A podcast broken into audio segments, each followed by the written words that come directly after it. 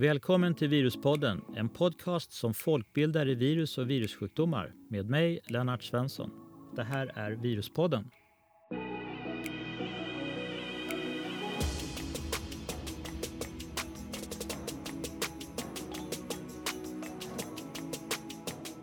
Välkommen till Viruspodden avsnitt 13 med mig, Lennart Svensson och Åke Lundqvist. Virus är inte bara coronavirus utan så mycket mer. I förra avsnittet utlovades att vi skulle prata om vaccin mot bältros och vattkoppor. Tyvärr har vi fått flytta på det avsnittet, men det kommer, var så säker. För cirka en vecka sedan kunde vi läsa hur leverinflammationer, så kallade hepatiter, drabbat barn under 10 år där orsaken är oklar. I dagens podd tänkte vi inleda med en kort uppdatering av kunskapsläget kring dessa oförklarliga leverinflammationer där man misstänker något virus. Nu när våren nalkas och myggor och fästingar vaknar till liv ska vi med dagens gäster samtala kring vilka virus som sprids via myggor och fästingar och vilka virussjukdomar vi kan få från dem.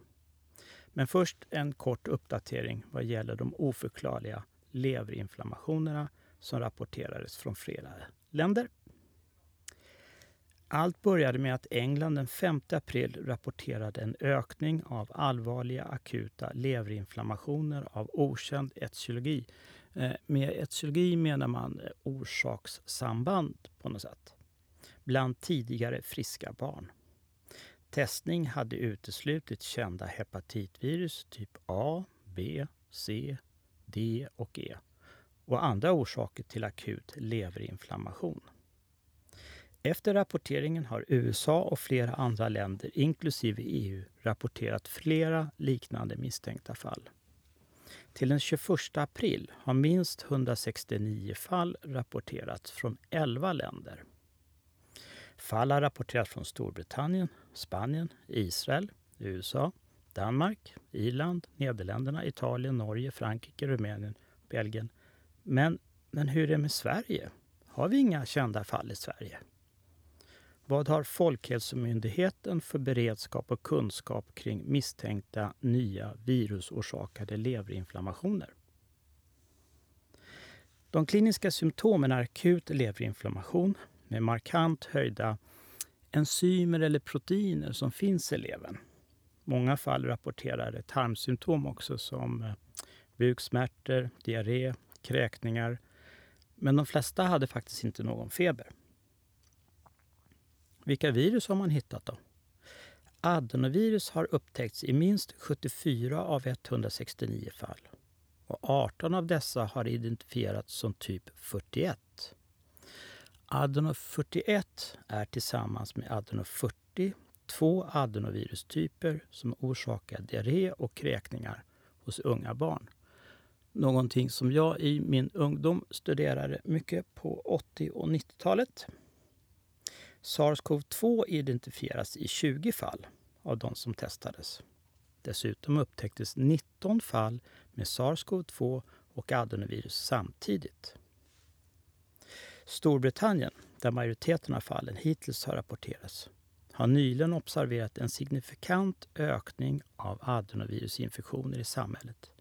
Särskilt i avföringsprover från barn från att vara väldigt låga nivåer till väldigt höga nivåer. Samma sak vet vi nu händer från Nederländerna. Och vad jag fick reda på idag var att vi ser också en ökad mängd i Sverige av adenoviruspositiva prover från barn. Man kan ju ställa sig frågan om intresset för de här infektionerna beror på förbättrad diagnostik eller inte, eller att man är på tå gällande sådana här leverinflammationer. Det får vi kanske utveckla en annan gång. Så, tack Lennart för den sammanfattningen. Då ska vi gå till poddens, dagens podds huvudsakliga mygg och fästingvirusfokus. Och idag gästas vi av Janina Krambrick som är doktorand och av Tove Hoffman som Eh, nyligen disputerade i just det här fältet. Och båda arbetar vid zoonoscentret på BMC i Uppsala. Och kanske känner de flesta till att malaria kan man drabbas av i tropikerna om man har otur. Och att om man i så fall så har man fått i sig den här malariaparasiten via myggbett.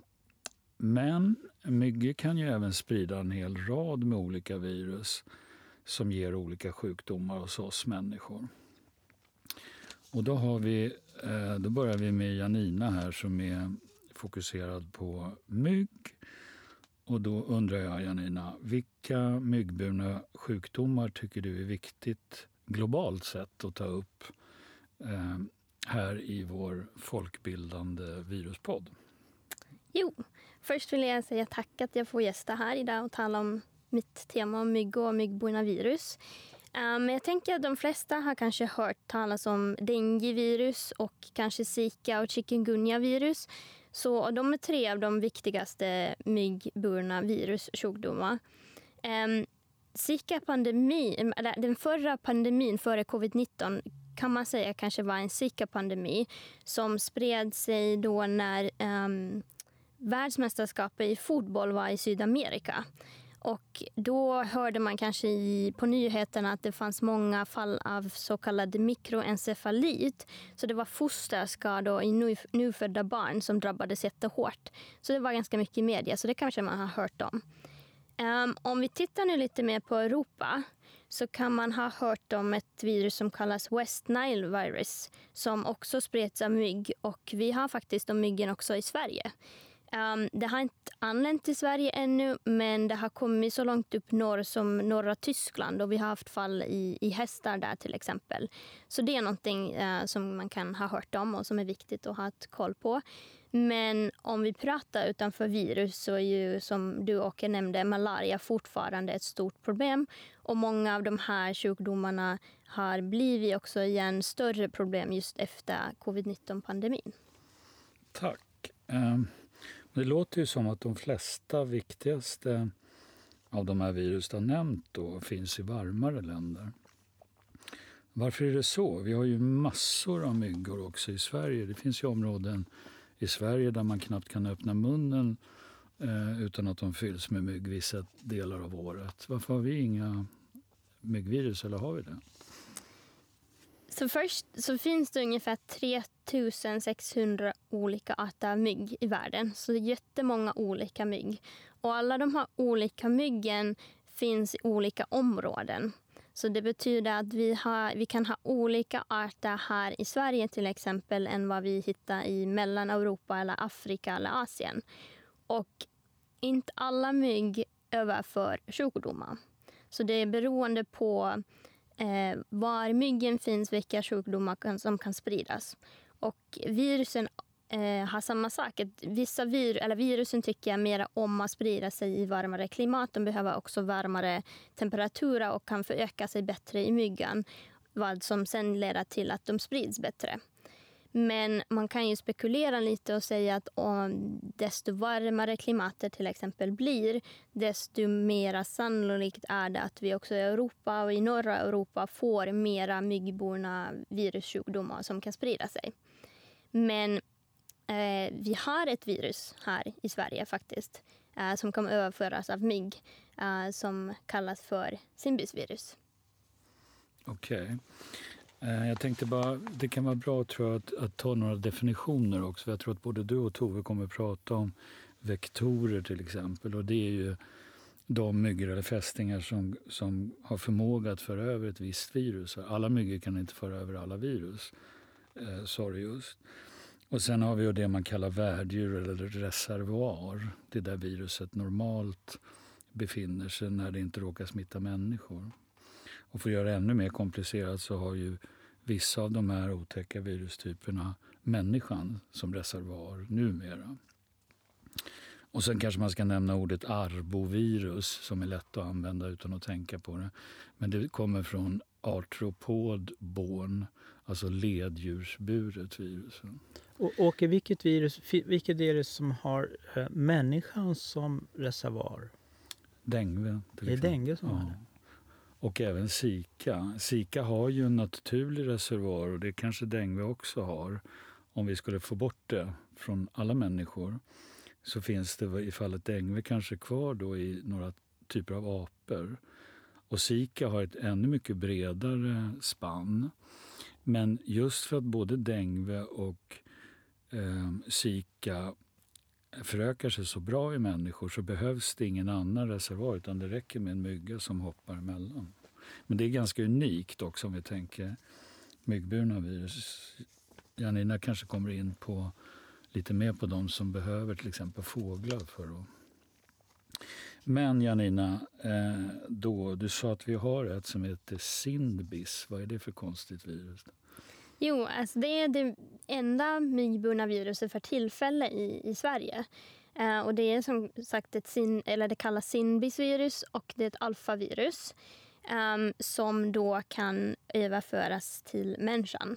Som du sa, Åke, så har sinbisvirus faktiskt fåglar som, som reservoar vanligtvis. Och eh, människan är bara en, ett spillover.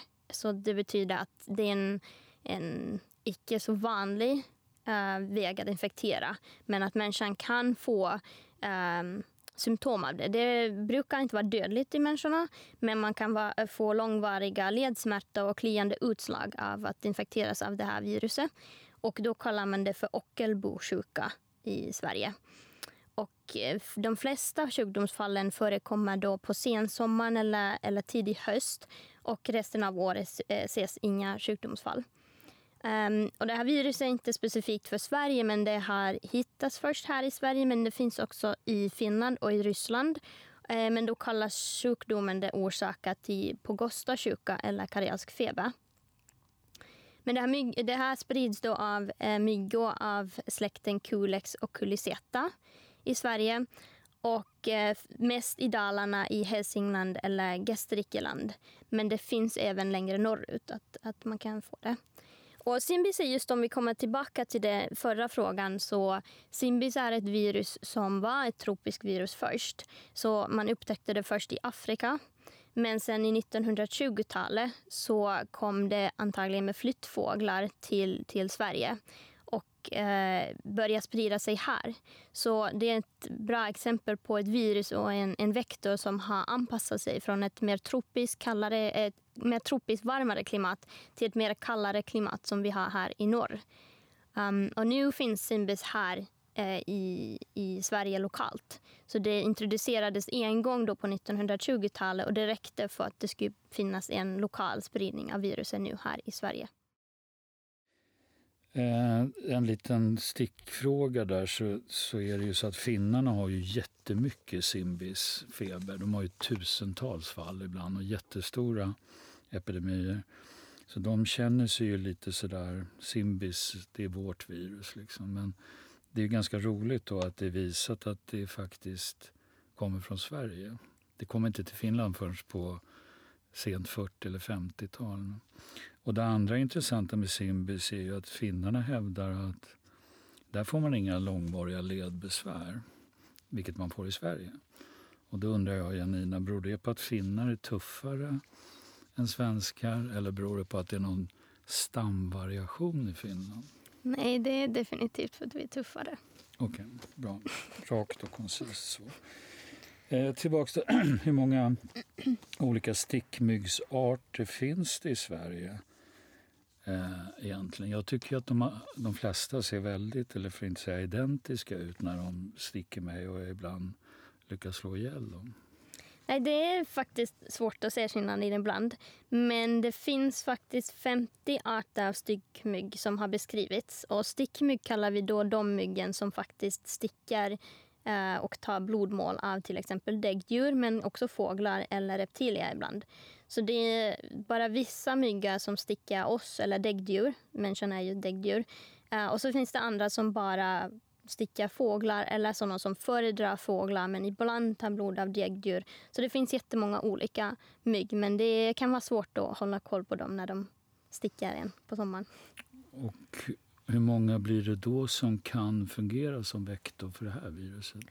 För simbisviruset här i Sverige så är det två vektorer som vi har för tillfället. Båda är Culex-mygga, så det är Culex pipiens pipiens eller sydliga hus, husmyggan som den kallas. Eller Culex torrensien som är den nordliga husmyggan. Um, men där kanske ser man också, vi har 50 myggarter men det är bara två som är vektorer. Så det är inte så enkelt för Simbis här. Så det är inte så enkelt att en mygga är vektor. Så det är många saker som spelar ihop för att en mygga ska bli en vektor. Så myggan måste först ta ett blodmål, myggan måste, ta, måste bli infekterad själv och så måste viruset replikera tillräckligt, alltså för öka sig tillräckligt i myggan och spotta ut virus i nästa, vid nästa blodmål så att en ny um, uh, värld kan bli infekterad. Mm. Så det är många saker som måste spela ihop och som måste passa för att en mygga ska bli vektor till ett virus. Och då kan vi koppla tillbaka till det Lennart sa, eller frågade nyss om namnet. Varför heter det Ockelbosjukan? Det vet jag faktiskt inte. Det var där man fångade dem. Jag antar ju det, ja. ja. Eh, men intressantare och intressantare. I Sverige är det ju riktigt kallt på vintrarna. Det är bara några veckor sedan Snön försvann till och med här i Stockholm. Och inte ser vi några mygg när det är minusgrader, vad jag vet i alla fall. Jag har inte sett några. Hur kan då myggorna, av rätt art i det här fallet, då, eh, komma tillbaka varje vår och ännu värre, komma tillbaka med virus? Ja, så fåglarna flyger ju bort över vintern men myggorna kan inte flyga så långt. Så de har eh, utvecklat olika strategier för att övervintra i just områden där det blir kallt. Och det gäller ju då för Skandinavien och de nordliga delarna men det gäller också för andra delar i världen var vi har liknande klimat. Var det blir alltså kallt på vintern, så kallt att myggorna inte flyger. Så om vi tittar här på Sverige så arterna som sprider just det här simbisviruset de övervintrar till exempel som vuxna honor. Och då söker de sig till jordkällare till exempel eller stall um, var det inte kommer att bli minusgrader under vintertiden. Och då går de in i uh, en hibernation. Så de går som i ide, som, lite som björnar på vintern gör en uh, sova. Kanske lite liknande kan man tänka på det med myggen också. de går in i en, en sömnstatus var de um, kör ner sin, um, sitt kretslopp. Eh, och då när temperaturerna går upp på våren så vaknar de upp igen och kan flyga ut igen. Fantastiskt. Lennart, nu tror jag att du hade några frågor. Va? Ja, alltså gula febern och dengue sprids ju via myggor. Skulle, man kunna, skulle de kunna komma hit upp eller begränsas det här av att de myggspecies eller är det myggspeciens, arten av myggor som är begränsningsfaktor eller skulle vi på sikt kunna få dengue, west nile och sånt till Sverige? Just en, en viktig art som sprider just gula febern som du talar om eller också dengue och chikungunya, zika, west nile är Edes albopictus um, ehm, och Edes aegypti. Så det är de två viktigaste vektorerna. Och Eh, Edes albopictus finns faktiskt redan i Sydeuropa. Och vi har ju sett i de förra åren att dengue har spritt sig till exempel på Madeira, i, på den portugisiska ön och också vissa fall eh, på det portugisiska fastlandet. Så vi har sett att det fanns lokala eh, utbrott av dengue och också lokal eh, överföring av viruset just med de här Aedes albopictus-myggen. Men Aedes aegypti finns inte ännu i Sydeuropa. Men då klimatet kanske ändrar sig och just den jättenära släkta eh, arten Albopictus redan finns så kan man ju tänka sig att det kan komma Egypti till de här områdena också. Då blir det ju mera sannolikt att vi får eh, större spridning, eh, större smittspridning. Um, men för till exempel gula febern, det är ju lite intressant. Den förekommer bara i Afrika och i Sydamerika, men till exempel inte i Asien.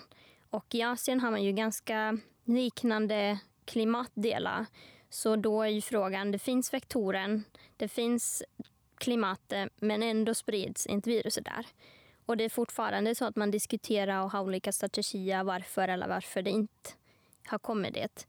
Men tänker man lite på Europa och vad som vi har här nu redan, till exempel då dengue i Sydeuropa, men också West Nile som jag berättat, det hade kommit upp till norra Tyskland, um, så tänker jag att vi kommer antagligen att kunna, eller kommer antagligen att se fall just av dengue och West Nile och chikungunya i framtiden.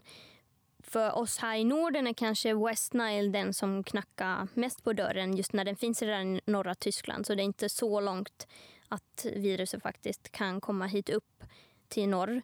Eh, uh, chikungunya tror jag att det mest är nu för tillfället kanske Sydeuropa som är mera i risk att det kommer att bli smittspridning av chikungunya där. Och sen kanske med tiden kommer det upp till norr på samma sätt som vi har sett med West Nile. Alltså, vi såg ju för några år sedan ett jätteutbrott med Zika men sen blev det ju helt tyst, tyst om, om Zika och utbrottet. Det verkar som att Zika-utbrottet har försvunnit och viruset har försvunnit. Är det så? Eller har vi tappat intresse för det här? För det var ju rätt allvarligt med, med påverkan på eh, ofödda barn och folk blev svårt sjuka. Så vad hände med Zika?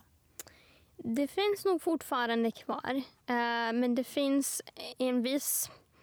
Det var ett nytt virus som kom och började sprida sig mera. Så jag tror en, en faktor som var viktig var att eh, människor var naiva för viruset. Så det betyder att de hade ingen immunitet mot viruset. Så man blev sjuk för första gången med det här viruset och då, var det, eh, ut, eh, då, då blev man mera sjuk. Och nu om de blir infekterade igen så kan det hända att de har en grundimmunitet. Så det betyder att de får mindre eller inga alls sjukdomssymptom. Så det är alltid kanske det man måste tänka på. Om det är ett nytt virus så är det nytt för alla som är i populationen.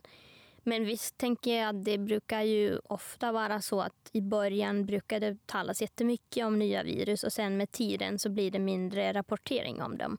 Så Zika finns kvar och det finns också fortfarande alltid mindre utbrott av just mikroencefalit, alltså att, att eh, de ofödda barnen skadas.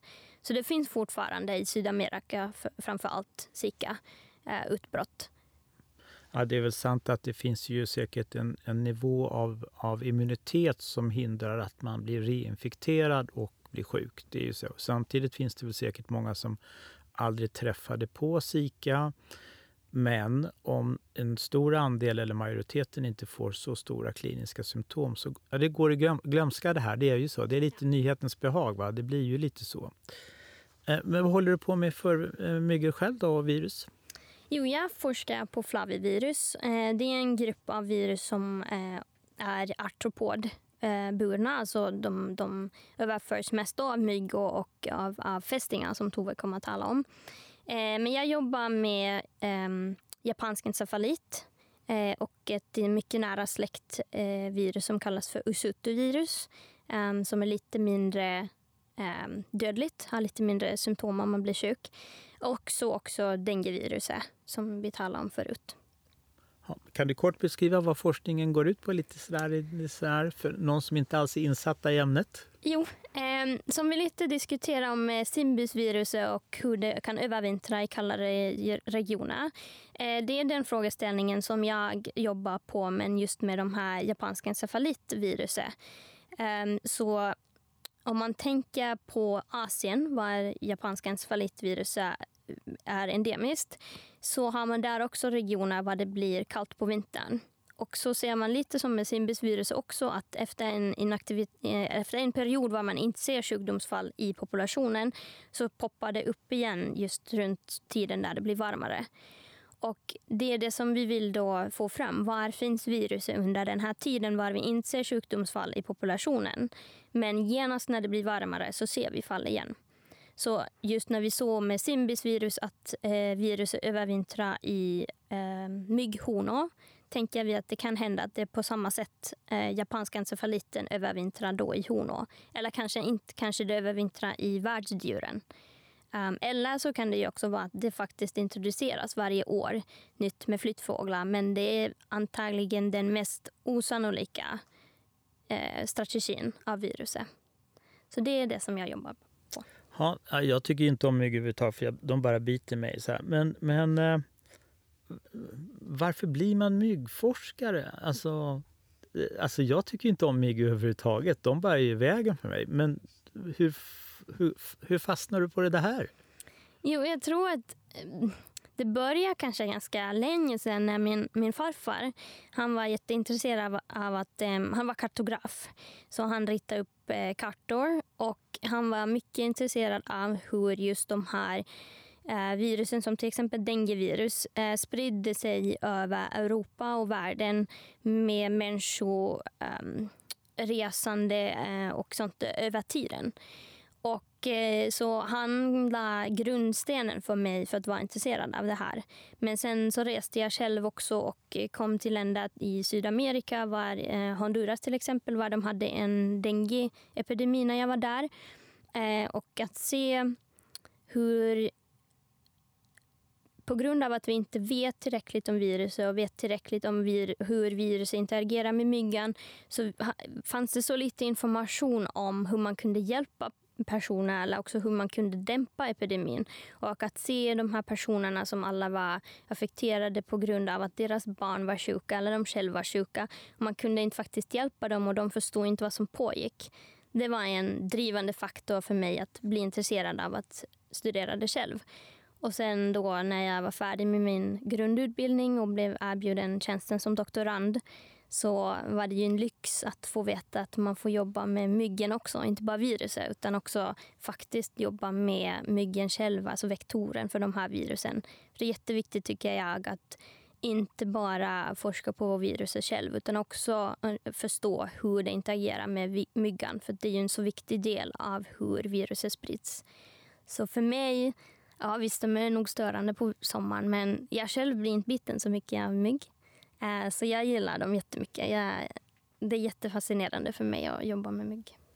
Väldigt trevlig ingång till att bli eh, myggforskare skulle man kunna säga. Eh, det, det var väldigt fin historia.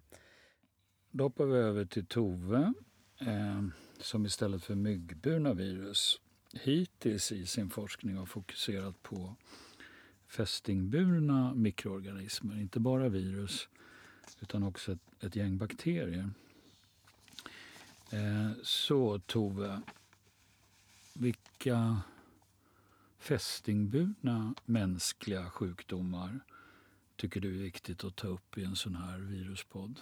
Bakterier som virus. Jag vill också börja med att tacka för att jag får vara här idag. Eh, på en global nivå så tycker jag att man bör nämna de fästingburna sjukdomarna borrelia eller borrelios, eh, även kallat fläckfeber och anaplasmos som orsakas av intracellulära bakterier. Och även virussjukdomarna fästingburen eh, encefalit eller hjärninflammation som även går, även går under namnet TBE och krim-Kongo, blödarfeber. Okej. Okay. Um, jag tänker den här borrelian, då, den är väl jättevanlig? Är den vanligaste? Den finns väl nästan överallt? va? Borrelia finns, har ju en, en bred global utbredning. Borrelios, eh, Lyme borrelios eh, har ju mer en utbredning på det norra halvklotet. Mm. Men den är mycket vanlig. Och rickettsia anaplasmos, vad är det för någonting? Det är ju en sjukdom då som orsakas av bakterien Anaplasma phagocytophilum. Eh, den sprids till människor via exodesfästingar och den förekommer i Europa, Amerika och Asien. Vanlig, vanligare i USA. Mm. Så, du nämnde ju flera bakterier som vi hört nu, men om vi fokuserar eh, på virus framöver då, eh, så undrar jag igen, hur är det med Sverige? De flesta i Sverige känner säkert till TB eller fästingburen encefalit. Eh, normalt kallar vi den TB efter sitt engelska namn, tickborne encephalitis. Eh, men har vi några andra fästingburna virus i Sverige som drabbar människor eller djur? Alltså, jag känner inte till att det finns andra fästingburna virus som orsakar sjukdom i människa. Gör du det? Nej, jag tror faktiskt inte att det gör det. Än så länge. Eh, men, finns, men finns TB i övriga... Alltså jag vet ju att det finns det i Österrike och några andra länder. Men finns det någon nedre gräns i Europa där man har TB? Alltså kan det vara så att Spanien och Portugal har så, ja, vad vet jag, för varmt så det blir inget TB? Har Spanien och Portugal något TB? Jag tänker mer på en östlig utbredning, men uh, du kanske kan svara på det. Ja, den östliga sträcker sig ända till Japan. Mm. Men sen, där blir det lite komplicerat, för i södra Europa då har vi varianter av TB-virus men som är tillräckligt skilda för att inte kallas för TB. Eller för det första har vi tre olika typer av TB. Vi har den europeiska kan man säga som vi drabbas av. Och sen har vi en sibirisk variant som finns mera Finland uppåt Ryssland. Och sen har vi en östasiatisk. Det är tre varianter. Men tittar vi norr-söder och kommer ner mot Grekland, Turkiet, då har vi andra varianter som het, har egna namn till och med. Och där kopplingen till mänsklig sjukdom är väldigt dåligt utredd skulle jag säga. Och frågan är om det ger någon sjukdom hos människa. Och går vi till västerut upp över England då har vi en, ytterligare en annan variant som kallas för Lauping som finns hos får. Men där man har visat på senare år några enstaka mänskliga fall också. Så att om vi tänker TB som vi ser TB ändå, som sjukdomen TB, då, då pratar vi nog norra halvan av Europa och sen österut hela vägen till, till Japan. Um, jo, men kollar vi på sjukdomen då så tycker jag att jag har hört talas om ganska många patienter som inte känns vid någon, något fästingbett. Eh, ganska höga procent. Hur, hur kan det förekomma? Har, har, det, har de smittats på något annat sätt då, än med fästingen? Jag tror att det handlar mer om att man inte märker av fästingbettet. Eh, och det kan bero på att fästingar, eh, när de biter så sprutar de in saliv. Och i salivet så finns det ämnen som eh, till exempel antikoagulanter som gör att blodet inte koagulerar och även ämnen som gör att det inte kliar, antihistaminer och att man inte får ont.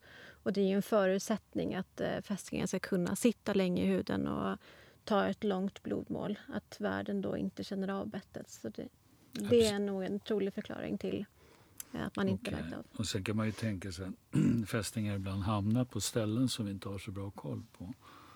Precis. Och sen de yngre livsstadierna som larverna och nymferna är också väldigt små så de kan vara svåra att se. Just det, de smittar också. De kan vi typ inte se. Va? Jag sticker in med stickspår här. Um, utvecklar man någon immunitet mot en TB-infektion naturligt? Har man det?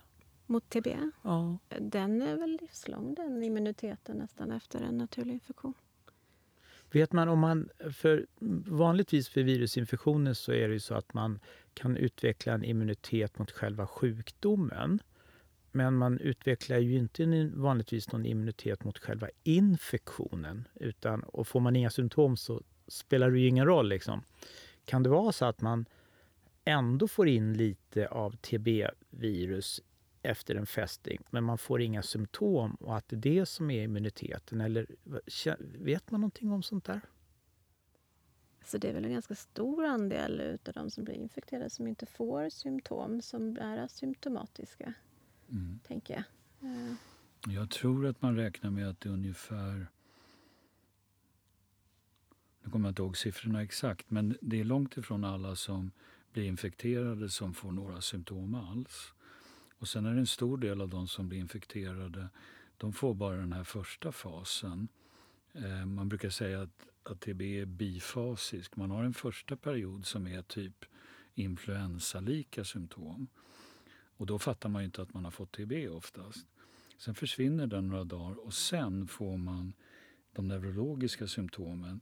Men det är bara en bråkdel av dem där viruset går över blod-hjärnbarriären.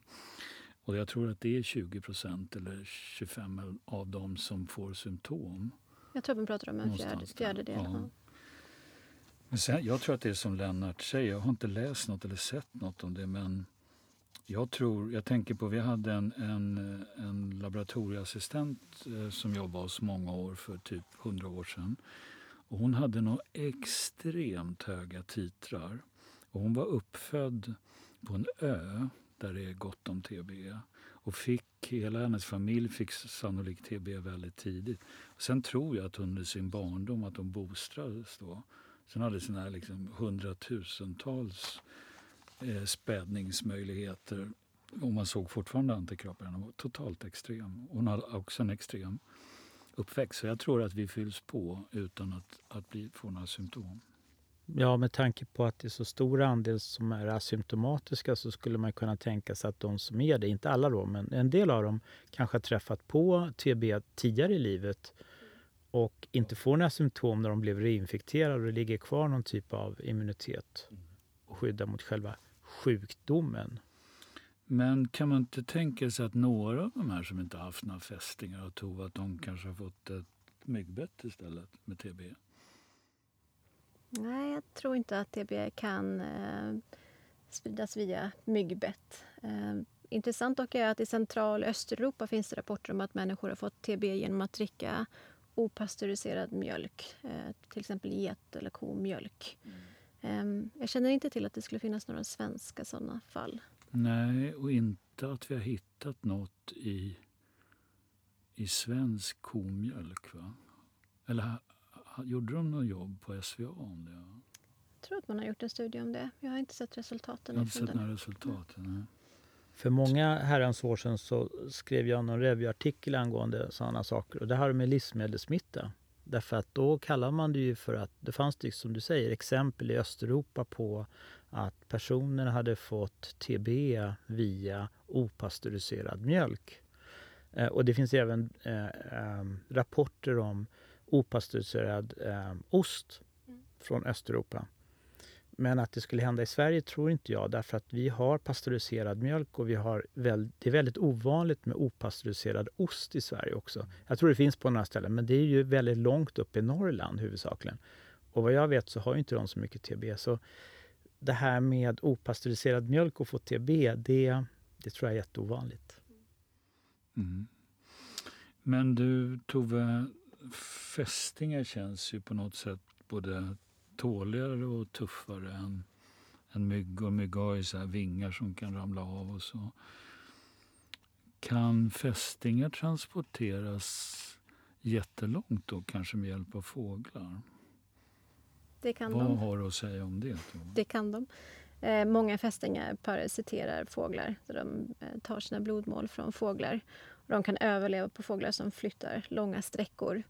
Och hur lång tid det här blodmålet tar eh, och hur länge en fästing befinner sig på en värld. Det finns ju eh, vissa fästingar eller fästingarter där som det krävs färre värdar för att fullgöra eh, livscykeln. Eh, så kan de då transporteras olika långa sträckor. Och har fästingarten då en väldigt lång eh, tid när den suger blod så kan den transporteras över, mellan olika kontinenter då via migrerande fåglar. Mm. Men då i så fall, om det är som du säger, då borde väl även exotiska fästingburna virus kunna hamna hos oss här i Sverige? Mm. Eller? Jo, det stämmer. Exotiska fästingburna virus kan hamna i Sverige när fästingarter från andra, från andra länder transporteras hit med hjälp av migrerande fåglar. Ett exempel är att vi har nu svenska fynd av den exotiska fästingarten Hyalomma eh, marginatum eh, och även Hyalomma rufipes. Det är två fästingarter som är kända vektorer och spridare av kring Kongoviruset. Så kan fästingarten eller vektorn komma hit så kan den ju då även föra med sig ett, tropiskt virus. Men jag har för mig att det var för några, kan det vara tre år sedan som det var så extremt varmt. Eh, och att man då hittar de här otäckare fästingarna om man säger så. Men vet du någonting om klarade de sig framåt och kunde de liksom överleva på något sätt i Sverige eller försvann de veckan efter när tempen sjönk under 30 grader varmt? Liksom? Vet man något om det? Alltså det finns ju eh, fynd utav eh, omogna fästingar utav arten Hyoloma marginatum i Sverige. Och det är fynd från, från fåglar och det finns från flera år. Men 2018 var en väldigt varm sommar i, i Sverige och då gjordes eh, fynd av fullvuxna individer av den här arten på hästar. Och I och med att man fann då vuxna individer så innebär det att de kom förmodligen hit som larver och nymfer och att de under samma säsong kunde eh, gå över till att bli en vuxen individ och då även ta ett blodmål från, från en värd som då inte ska ha befunnit sig i något annat land innan och tagit med sig fästingen hit. Eh, okay. De är dock väldigt värmekrävande, den här arten, så det klimatet vi har i Sverige nu eh, möjliggör inte att de kan fullfölja sin livscykel. Så att, eh, det är osannolikt då, att de har överlevt. Kan de då övervinna? Behöver, förresten, behöver den fästingarten behöver den äta blod mellan varje utvecklingsstadium precis som våran vanliga fästing? Nej, det är en tvåvärldsfästingart så den, det räcker med två världar. Två eh, blodmål? Eller? Precis. Okay. Så det är därför den kan transporteras väldigt långt. För den befinner sig en längre tid. Då. Den går från larv till nymf eh, på en och samma värld. Hur länge kan en och samma fästing sitta på en fågel? För fåglar tar ju pauser när de flyttar från Afrika. De, om jag har fattat det rätt så stannar de efter några dagars flygning och så checkar de upp sig fyller på energidepåerna och så kör de vidare. Eh, så det borde ju kunna ta rätt lång tid. Menar mm. Kan de hänga på? De sitter i veckor eller? Alltså de kan stanna på en och samma värde upp till tre veckor. Oj. Och då hinner de både få i sig och sprida virus och utvecklas och äta blod. Och, ja, mm. okay, jag fattar. Om man, om man gör så här då. Um, om man samlar in tusen fästingar. Hur många av dessa skulle bära på TB-virus? För det är ju inte så att alla som blir fästingburna insjuknar med TB. Hur många har virus? Vet man det? Det kan inte vara så där rysligt många kan jag tänka mig. Eller? Nej, och sen är väl just insamling av ehm, eh, fästingar för att leta efter viruset, TB-viruset, är ju lite komplicerat eftersom viruset förekommer ju som hotspot. Eh, det är liksom lite geografiskt isolerat. Så det, eh, det kan vara att den prevalens av viruset som man hittar i fästingar att den kan vara falskt låg för att man mm, söker på fel ställe. Så. Ehm, men det finns väl att det ligger mellan, eh, eller upp till ett par procent. Sen beror det också på vilken livs, vilket livsstadie utav vi, eh, fästingen man eh, letar efter viruset i. Du har ju högre sannolikhet att hitta viruset till exempel i de vuxna individerna än Aha, i de yngre. Okay. Så det är så? Mm, jag minns någon, nu kommer jag inte ihåg siffrorna, som jag ser en tabell framför mig där jag tror jag fick den av John där man hade jämfört prevalens av virus i olika länder, framförallt de nordiska länderna. tror jag. Och det var slående lika om man såg till att plocka tillräckligt många tusen så man fick en bra spridning. Då blev det, det var nog inte mer än någon procent, eller någon promille till och med. Men som Tove säger, om man fång, eller fångar i, i mindre skala och ramlar på en, en viss buske då kan det bli många procent för att det är liksom spott eller liksom en buske där har en massa infekterade. Men, men varför skulle det vara spottar av TB-burna fästingar när de inte sticker varandra? Ja, men jag tror att det är väl att... Kan det inte ha börjat med en, en virusbärande fästning, fäst, inte fästning, fästing i den busken? Och för de får väl bra så många barn, en fästing. Va? I alla fall när vi pratar ägg och nymferna sen. Mm, eller larverna. Tusentals ja. ägg. Ja. Och sen blir det färre och färre för varje stadium. Men jag tror att en infekterad fästing skulle under några år kunna liksom kolonisera en buske eller några buskar. Medan den där fästingen som har gett upphov till den populationen hade inget TBE. För vad som är viktigt här är ju att ju mer vi lär oss om TBE-virus desto mer förstår vi att fästingen i sig kanske faktiskt är den viktigaste reservoaren. Viruset går över generationerna. För 20-30 år sedan då trodde vi mer att, att vi hämtade viruset hos eh, gnagare eller hos, i värsta fall hos rådjur. Men ju mer vi fattar, desto mer lutar åt att fästingen i sig... Fästingen behöver en massa djur för att få blod och kunna utvecklas och lägga ägg och så vidare. Men fäst, den behöver inte så mycket andra djur för att hämta virus. Det har den i sig. Och sen sprids väl en fästing, kanske åk, lifta lite med någon fågel till en annan skog liksom, och så blir det en, vad ska vi säga, hot spot. Liksom. Ja, de är ju beroende Tove kanske utav... tänker annorlunda än vad jag gör. Men... Nej, men jag tänker fästingar är ju beroende av sina värdar för att transporteras. De kan ju inte röra sig långa sträckor eh, själva. Nej. Eh, sen har Exakt. man väl diskuterat att gnagare också kan vara, alltså, kan vara ganska territoriella. Att de, har, de inte heller egentligen rör sig i stora områden eh, om de skulle ha en vikt, betydande Nej. roll liksom, i De flesta spridningen. gnagar har ju också en väldigt liten aktionsradie. Liksom. Det är bara några tiotals meter.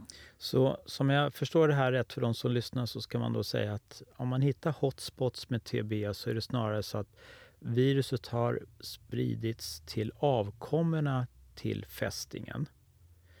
Eh, därför att det är ju osannolikt att det hoppar till någon annan för de rör ju inte på sig så långt. De kan ju inte komma så långt så det bör ju vara avkommorna till fästingen blir infekterade och bär på viruset som i sin tur blir som en hotspot därför att de är flera som är infekterade. Och de kan sticka eh, rådjur, för det har ju som ni har sagt, de, vi som inte är insatta i det här tror ju då att fästingarna de, de sticker ju förstås rådjuren och sen tror man då att rådjuren skulle putta tillbaka virus till ny fästing. Men så är det nog inte utan det är snarare att de behöver det för näringens skull helt enkelt. Blodmålet. Blodmålet va? Mm. Eh, Okej. Men sen som, som du säger så åker ju... Vi har ju sett en, en, en ganska kraftig spridning av rådjur västerut också. Och då följer ju fästingarna med, både oinfekterade och infekterade. Så att vi ser ju fler och fler fall av TB i västra Sverige. Va? Och, och norröver. Och Vi har ju norröver. sommarställe i Dalarna. Där Ja. fanns det ju inga fästingar och ingen TB för 20 år sedan. Eh, inga fästingar alls har de på hundar och, allt det här. Nu går det ju att hitta rätt mycket fästingar. Det är ju dock inte så många, om det ens något fall med TB, men det förekomsten av fästingar är nytt alltså. Så då väntar man ju nog bara på att det blir mer TB-fall också. Mm. Och där kan man väl då leda in på en fråga. Eh, vad tänker du om klimatförändringen och fästingburna virussjukdomar, Tove? Framöver? Mm. Alltså, fästingar är ju klimatkänsliga och i Sverige så kan ju ett varmare och fuktigare klimat komma att gynna förekomsten av fästingar i stora delar av landet. Men det kan även missgynna förekomsten av till exempel den vanliga fästingen i andra delar som till exempel södra eh, Sverige. Eh, Ett varmare klimat kan även innebära att fästingarter som nu lever till exempel i södra Europa som flyttfågelfästingen Hyalomma marginatum, eh, att den kan komma att etablera sig i Sverige. Och tecken på detta såg vi då 2018 när vi, vi lyckades identifiera vuxna individer utav den här fästingarten. Och jag tänker därför att vi kan nästan förvänta oss att eh, eh, sjukdomar som är fästingburna, eh, som till exempel TBE i framtiden kan komma att spridas till nya områden i Sverige och att vi även kan få in eh, nya exotiska fästingarter och de sjukdomar som de eh, sprider också upp till Sverige. Mm. Hade du någon mer fråga, Lennart? På Alltså jag klimat? tänkte väl ställa samma fråga till Tove som jag gjorde tidigare. Varför blir man fästingvirusforskare? Hur, hur, hur, varför blev det så? Alltså jag eh, tänkte på...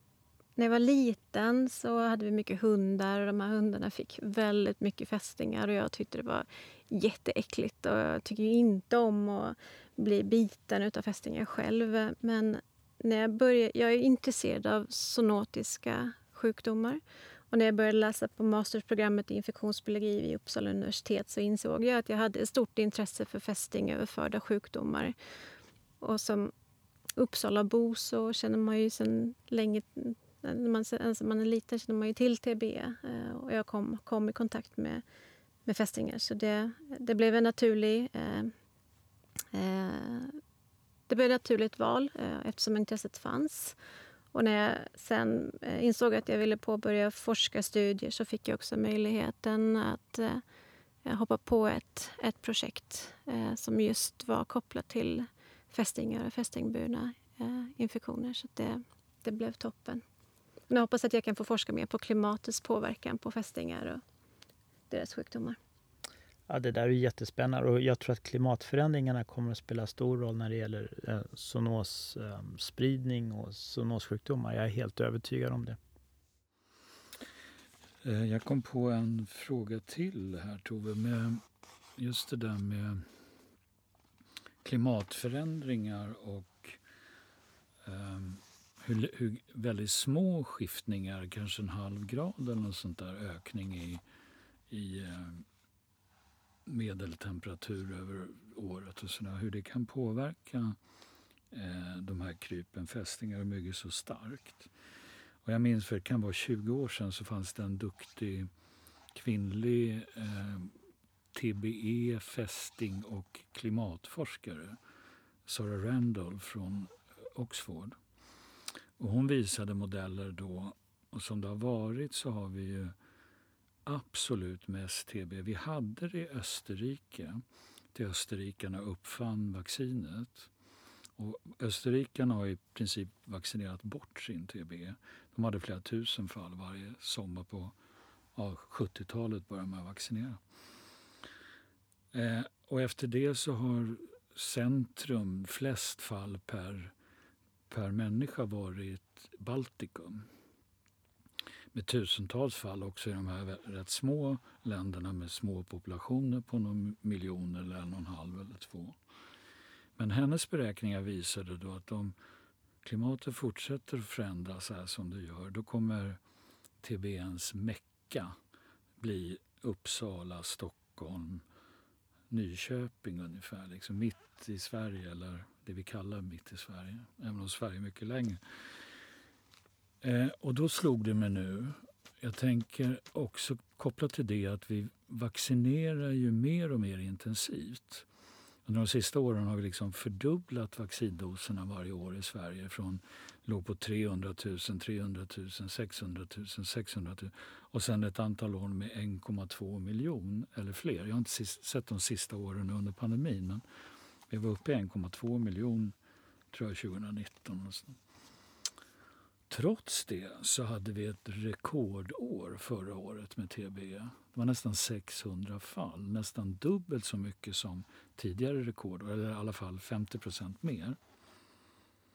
Kan det vara så, tänker du Tova, att vi ser nu början på att hon hade rätt den där tanten i Oxford, liksom att, att det flyttas?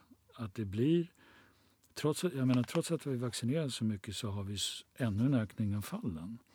Har vi, håller vi på att bilda det optimala området för TB i Uppsala, Stockholm? Svår fråga. det är därför så när jag tänker på den stora ökningen som vi hade 2021, jag tror det var rekordår, man, det var 533 rapporterade fall Normalt ser man väl mellan 200 och 400 fall per mm. år. Eh, jag tror ju att mycket är kopplat till människors beteende i det här fallet. Mm. Eh, under början på pandemin så började vi resa mindre. Eh, människor tänker mer på hälsa, man är ute mer i skog och mark. Så jag tror det kan vara en stor faktor i det här fallet. Alltså en pandemieffekt? Ja, jag tänker det. Eh, sen, vi, hade varm, vi hade en varm sommar också, men blir det för varmt så kommer ju liksom fästingarnas aktivitet gå ner. Mm. Um, så. så då blir ju nästa ännu svårare fråga. Vad, hur mycket TB blir det i år? Uh, ja, om man skulle tänka så, så nu när man släpper restriktioner så kanske folk kommer resa mer av vara mindre ute i skog och mark. Men eh, det är klart att det är klimatet och temperaturen som kommer bestämma eh, cirkulationen i fästingarna. Så det är kom, en, ett komplext system. Eh, men jag tänker mycket att hur vi människor beter oss och när vi kommer in mer och mer i fästingarnas habitat så riskerar vi att bli smittade av TB.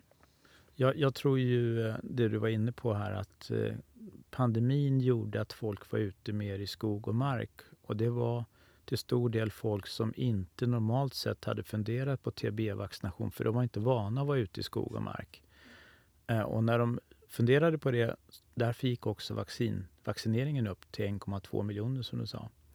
Jag skulle gissa på att vi inte får en peak i år. Det är ren gissning på grund av att det var så många som var vaccinerade förra året som inte var van med att vara ute i skogen. Och nu kan man resa, precis som du sa. Nu är liksom restriktionerna lite borta. Så nu är, det, nu är det Spanien och Grekland som gäller i sommar. Men ändå fick de sin dos förra året. Men det är bara en gissning. Det vet vi inte. Men det, det vore jätteintressant att titta på då, just den faktorn då. Mera folk ovaccinerade ute i skogen. Eh, men också hur är det egentligen med klimatförändringen? har vi haft. För jag tror att de här, som du nämnde, då 300 något fall eller närmare 400, det är också ganska få år vi har haft på slutet. Kan vi se faktiskt en skillnad? Och ännu mer skulle man ju vilja ut och se hur fästingarna har ökat sin aktionsradie. Jag tänker mest norrut och längs Östersjön och kanske Jo, men man vet ju att eh, Exodus ricinus, den här vanliga fästingen, att den har ju en, en nordlig spridning och nu ser man att den också har etablerat sig längs Norrlandskusten. Ja. Eh, och TB har ju haft en eh, du, både västlig och nordlig spridning så, och det eh, återspeglar ju fästingens spridning. Du får ju mycket att göra i framtiden, tror jag. Men har jag bara en sista fråga. Och då börjar vi med Janina. Eh, och det är... Vad tänker vi om nästa pandemi? För vi, de flesta av oss tror väl att det här är liksom ingenting som händer och sen är det över utan det kanske blir nya pandemier i framtiden. Tror Janina att det kan bli ett myggburet virus som skapar nästa pandemi? Jag tror att möjligheten definitivt finns. Eh, jag tror det är svårt att säga vad som kommer att bli nästa pandemi men att det kommer en till pandemi tror jag att i alla fall i virusvärlden är vi ganska eniga om att det kommer att gå eh, flera gånger. Mm. En fråga är väl hur definierar man pandemi? Eh, om det är så att eh, ett nytt virus ska sprida sig till minst två kontinenter då tror jag att det kan nog jättebra hända att det sker med myggburet virus också. Uh, om det till exempel kommer ihop faktorer som en, ett sportevent som uh, världs, uh, världscupen i fotboll var många personer kommer tillsammans från olika ställen i världen och sen sker det just en spridning, många människor på en plats som kommer från olika håll som kan ta med sjukdomar dit. Och sen kan det finnas vektorer som sprider dem just på plats. Så då åker alla hem och tar med viruset hem. Så då tror jag att om de här faktorerna spelar ihop, klimatet spelar ihop, bra, um, bra väder, många är ute, många firar eh, på nära håll. Så då tror jag nog att det kan hända så som med Zika då. Eh, att vi får en ny pandemi som skulle kunna vara myggburen, definitivt. Um, måste ju inte vara myggburet. Kan också vara någonting annat. Man vet inte. Mm. Ja, många, vissa av oss tror väl kanske mer på något nytt fladdermusburet eller fågelburet och sådär. Men jag håller med, absolut inte otänkbart. Och då kommer vi till vad Tove tänker. Vad tror vi om pandemier och fästingburna virus? Eller vad tror Tove blir nästa pandemi?